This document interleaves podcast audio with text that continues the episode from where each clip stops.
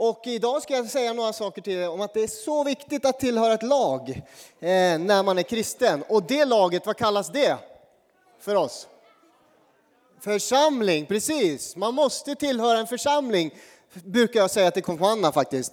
Du kan inte vara kristen utan församling. Det är helt omöjligt. Du kommer inte överleva som, som lärjunge till Jesus om du försöker vara det själv. Man behöver varandra. I fredags då var vi några och tittade på match. Vilka var med på matchen? Ja, det var några. Vi tittade på Sverige mot eh, Belgien var det, just det.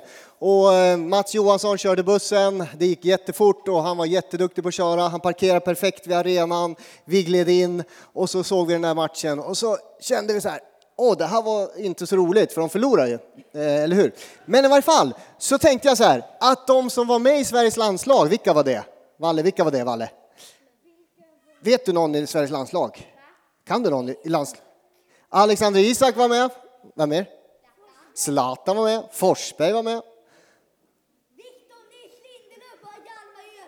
Ja, precis. De var med också. Ja, det är bra. Och varför var de med i landslaget? Varför fick de vara med och varför fick inte du vara med, Theo? Nej, du vet inte. Konstigt. Alltså för att i Sveriges landslag får bara de absolut bästa vara med. Det är bara de bästa som blir utvalda för att de är liksom bäst på att göra mål, de är bäst på att rädda mål, de är bäst på att passa bollen. Det är bara de som får vara med i landslaget. I församlingen, vilka får vara med där? Precis, alla. De bästa, jag säger Gunilla. Min, min son svarar att alla får vara med i församlingen. Alltså var och en som tror på Jesus Kristus är välkommen in i församlingen. Nu nu tror jag vi behöver stilla oss lite här. Jona och Valle, jag tror ni behöver sätta er, inget mer kläng. Och så ska vi be en bön för det här ordet jag ska säga. Tack Jesus, tack Herre för att du får tala lite grann till oss om att vara med i ditt lag som är församlingen. Tack att du hjälper oss Herre att, eh, att förstå hur utvalda vi är och älskade och viktiga vi är i det här laget. Amen. Så här är det, du är skapad för att tillhöra en gemenskap. Om du inte är med i en gemenskap, om du lever ensam, om du lever utan vänner, då dör man. Vet ni det? Man lever kortare om man inte har gemenskap. Om man inte har några vänner, om man lever ensam, ensamhushåll. Det förkortas hela livet. Faktiskt finns det statistik på det. Det är någonting som gör att vi klarar inte att överleva utan gemenskap. Och då har vi något som kallas församlingen. Och så står det i Bibeln så här. Innan du formades i moderlivet, alltså i mammas mage, så utvalde Gud dig. Alltså innan mamma och pappa hade kommit på att de ville ha barn faktiskt, och så innan du blev till där i magen, och så, så utvalde Gud dig. Och så står det så här på ett annat ställe, att före jordens skapelse så utvalde Gud dig till att stå helig och fläckfri inför honom i kärlek. Du är utvald av Gud, du är älskad av Gud, det är tänkt att du ska leva i gemenskap med honom och vara en del av hans lag. Annars överlever vi inte som kristna. Och så har vi fått ett uppdrag, att ett enda mål är att göra Jesus känd och älskad och efterföljd i den här tiden. I det här laget, jag skulle säga att det är det enda laget i världen där alla är välkomna med. Blir den här kyrkbyggnaden full, då måste man bygga en till kyrkbyggnad. Det har vi redan gjort en gång. Bygger man en till, därför att alla är välkomna med. Och hur blir man med i det här laget? Jo, man bekänner en tro på Jesus Kristus. Om du vill följa Jesus då, och tar emot honom i ditt hjärta, då får du vara med i det här laget som kallas församling. Nu ska jag läsa en text. Jona, jag säger till dig, för du är min son. Nu lyssnar du på den här texten. Första Korintierbrevet 12, där har ni hört om kroppen, eller hur? Jag har skrivit om den texten. Man ska inte göra så här med Bibeln. Men jag har skrivit om den texten och jag har skrivit om laget istället. Lyssna här, de vuxna kommer känna igen det här. Då står det så här. Ty liksom laget är ett och har många delar och alla de många lagdelarna bildar ett enda lag, så är det också med Kristus, våran coach. Vi har med en och samma coach blivit utvalda till ett och samma lag. Vi kommer från olika bakgrund. En del är vita, andra är svarta. Vi kommer från olika kultur och olika länder. Ändå har vi blivit utvalda av samma tränare. Laget består inte av en spelare utan av många. Om målvakten säger jag är ingen forward, jag hör inte till laget, så hör den ändå lika fullt till laget. Om ytterbacken säger jag är ingen mittfältare, jag hör inte till laget, så hör den spelaren lika fullt till laget. Om hela laget var ytterbackar, vem ska då vara forward? Om alla var forwards, vem ska då stå i mål? Nu har Gud, våran coach, gett oss just den plats i laget som han ville. Om alla ville spela på samma position, vad blir det då av laget? Nu är vi många lagdelar och ett enda lag. Ni känner igen texten. Det här handlar om lagidrott, att vara med i en församling. Alltså om alla vill ha samma position och samma plats i laget, vad händer då?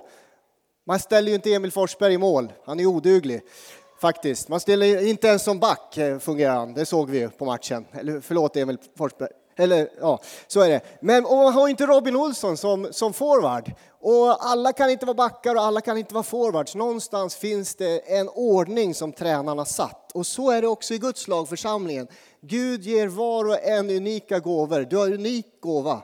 Du är bra på någonting som du ska använda för Gud och för Guds rike i den här tiden. Det är så det är tänkt. Och om du inte är med i laget, då är den platsen borta. Liksom. Då är det tomt. Vi plockar ut Emil Forsberg, för det gick inte så bra för honom. Men vi sätter inte in någon ny. Det blir tomt där. Och så är det i gudstjänsten också, i församlingslivet ska jag säga. När du inte är här, då saknas det, dina gåvor och dina förmågor. För vi behöver alla varandra, annars kan vi inte passa bollen igenom på det där sättet. Vad är du bra på? Vet du det? Du ska fråga mamma och pappa. De kan berätta vad ni är bra på. Eller någon kompis. Därför att de gåvor du har fått har du fått av Gud för att användas i församlingens tjänst. En del är bra på sång, en del på musik, en del är kreativa, en del är bra på sport, en del pratar. Tänk om alla skulle predika. Det blir rörigt här inne. Om alla skulle ta min roll här och så stå och predika. Nej, men vi har olika roller i denna Guds församling. En del är bra på att laga mat. Gör det, för Guds skull. En del är bra på omsorg, en del är bra på att leda. Tänk igenom vad du är bra på och så säger du Gud, jag vill ge det här till dig, för du har utvalt mig, du har älskat mig och jag vill bli använd av dig i Guds rike. Jag skulle säga var och en här, ni behövs. Det finns inga stjärnor egentligen i, i församlingen, även om alla är stjärnor kanske vi, man pratar med barn, alla är stjärnor såklart. Men egentligen finns det inga stjärnor. Det finns ingen stjärnspelare, ingen Zlatan. Det finns en stjärna och det är Jesus Kristus själv. Det är han som vi följer, det är han som vi tror på, det är han som vi lever för. Jag skulle säga, hur kommer man med i laget? Vet ni det? Jag har ju sagt det redan. Man tror på Jesus Kristus. Hur hamnar man på plan? Jag måste ha rätt matchkläder på sig. Vet ni det? Bibeln talar om det också. Du måste vara iklädd Kristus. Det låter ju konstigt. Du ska lägga av den gamla människan, klä av dig den gamla människan, står det till med. Och ikläda dig de nya kläderna. Hur gör man det? Jo, det är därför vi döps. Vet ni, vi går ner här borta i dopgraven, barn. Titta här. Jag brukar visa den här dopgraven. Ser ut som en fisk här. Alltså när jag kommer till tro på Jesus Kristus så behöver jag klä av den där gamla träningskläderna eller de där gamla kläderna och så behöver jag klä i mig de nya kläderna, Kristus själv. Och då får jag matchstället på mig. Så går man ner här, dör med det gamla, står upp i det nya tillsammans med Kristus och så ikläder jag mig honom. Jag blir en del av honom och så får jag vara med i hans lag. Det är därför det är så viktigt att låta döpa sig. Vägen in går genom tron och dopet så får man vara med i det här laget och det är för alla. Över hela världen finns det miljontals kristna som har låtit, tagit emot Jesus, låtit döpa sig och är del i samma kristna kropp som vi, fast vi samlas här. Hur ska man vara mot varandra i laget? Det är det sista jag ska säga. Nu har jag hållit på i sex och en halv, sju minuter. Hur ska man vara mot varandra? Det talar Bibeln också om. Det står hela tiden så här hur ni ska vara mot varandra i Bibeln. Varandra, varandra, varandra. Det handlar inte så mycket om mig i församlingen, det handlar om varandra och andra hela tiden. Det står så här, ni ska älska varandra. I den här församlingen vill vi älska varandra. I den här församlingen så ber man för varandra, står det. I den här församlingen ska man uppmuntra varandra, står det i Bibeln. I den här församlingen ska man förmana varandra. Ja, ibland behöver man det. Hälsa varandra. Det är så roligt när ni hälsar på varandra, när ni möts till gudstjänst. I den här församlingen så accepterar man varandra. I den här församlingen hedrar man varandra. Idag ska vi hedra Klasse som bjuder på tårta. Jag tycker vi ska hissa honom högt upp i taket. Hedra den mannen. Vi hedrar varandra. I den här församlingen bär vi varandras bördor. Så är det i vår församling. När någon lider så bär jag den, någon liten bit, och hjälper varandra. I den här församlingen förlåter man varandra, står det i Bibeln. När någon har något emot någon annan så finns förlåtelsens väg där. Hela tiden står det om hur vi ska vara mot varandra. Du är utvald av Gud till att ha gemenskap med honom. Du är kallad att vara med i laget och du har fått ett uppdrag att använda dina gåvor i det som är Guds församling i den här tiden. Och här är alla välkomna som vill tro på Jesus Kristus. Här kan du låta döpa dig, då behöver du nog prata med mig först så, så ordnar vi det. Och sen finns det en gemenskap som är varm, kärleksfull och uppmuntrande för oss. Nu ska vi be. Tack Jesus. Tack Herre. Tack Herre för varje kille och tjej, varje barn här. Tack vuxna och gamla. Tack att alla här är utvalda av dig. att stå heliga och fläckfria inför dig i kärlek. Tack att det är målet med våra liv, att leva av din kärlek och ge den vidare till andra hela tiden. Tack Jesus. Tack Herre, tack att du ser varje kille och tjej som funderar över vad är mina gåvor, vad är mina förmågor. Tack att du visar det Herre, så vi kan använda dem för dig och för ditt rike Herre. Tack Jesus. Tack att det finns plats för fler. Det finns alltid plats för fler. Låt oss inte exkludera eller hålla människor utanför, utan låt oss inkludera och välkomna. Tack Jesus. Tack Herre att du är här. Ber så i Jesu namn. Amen.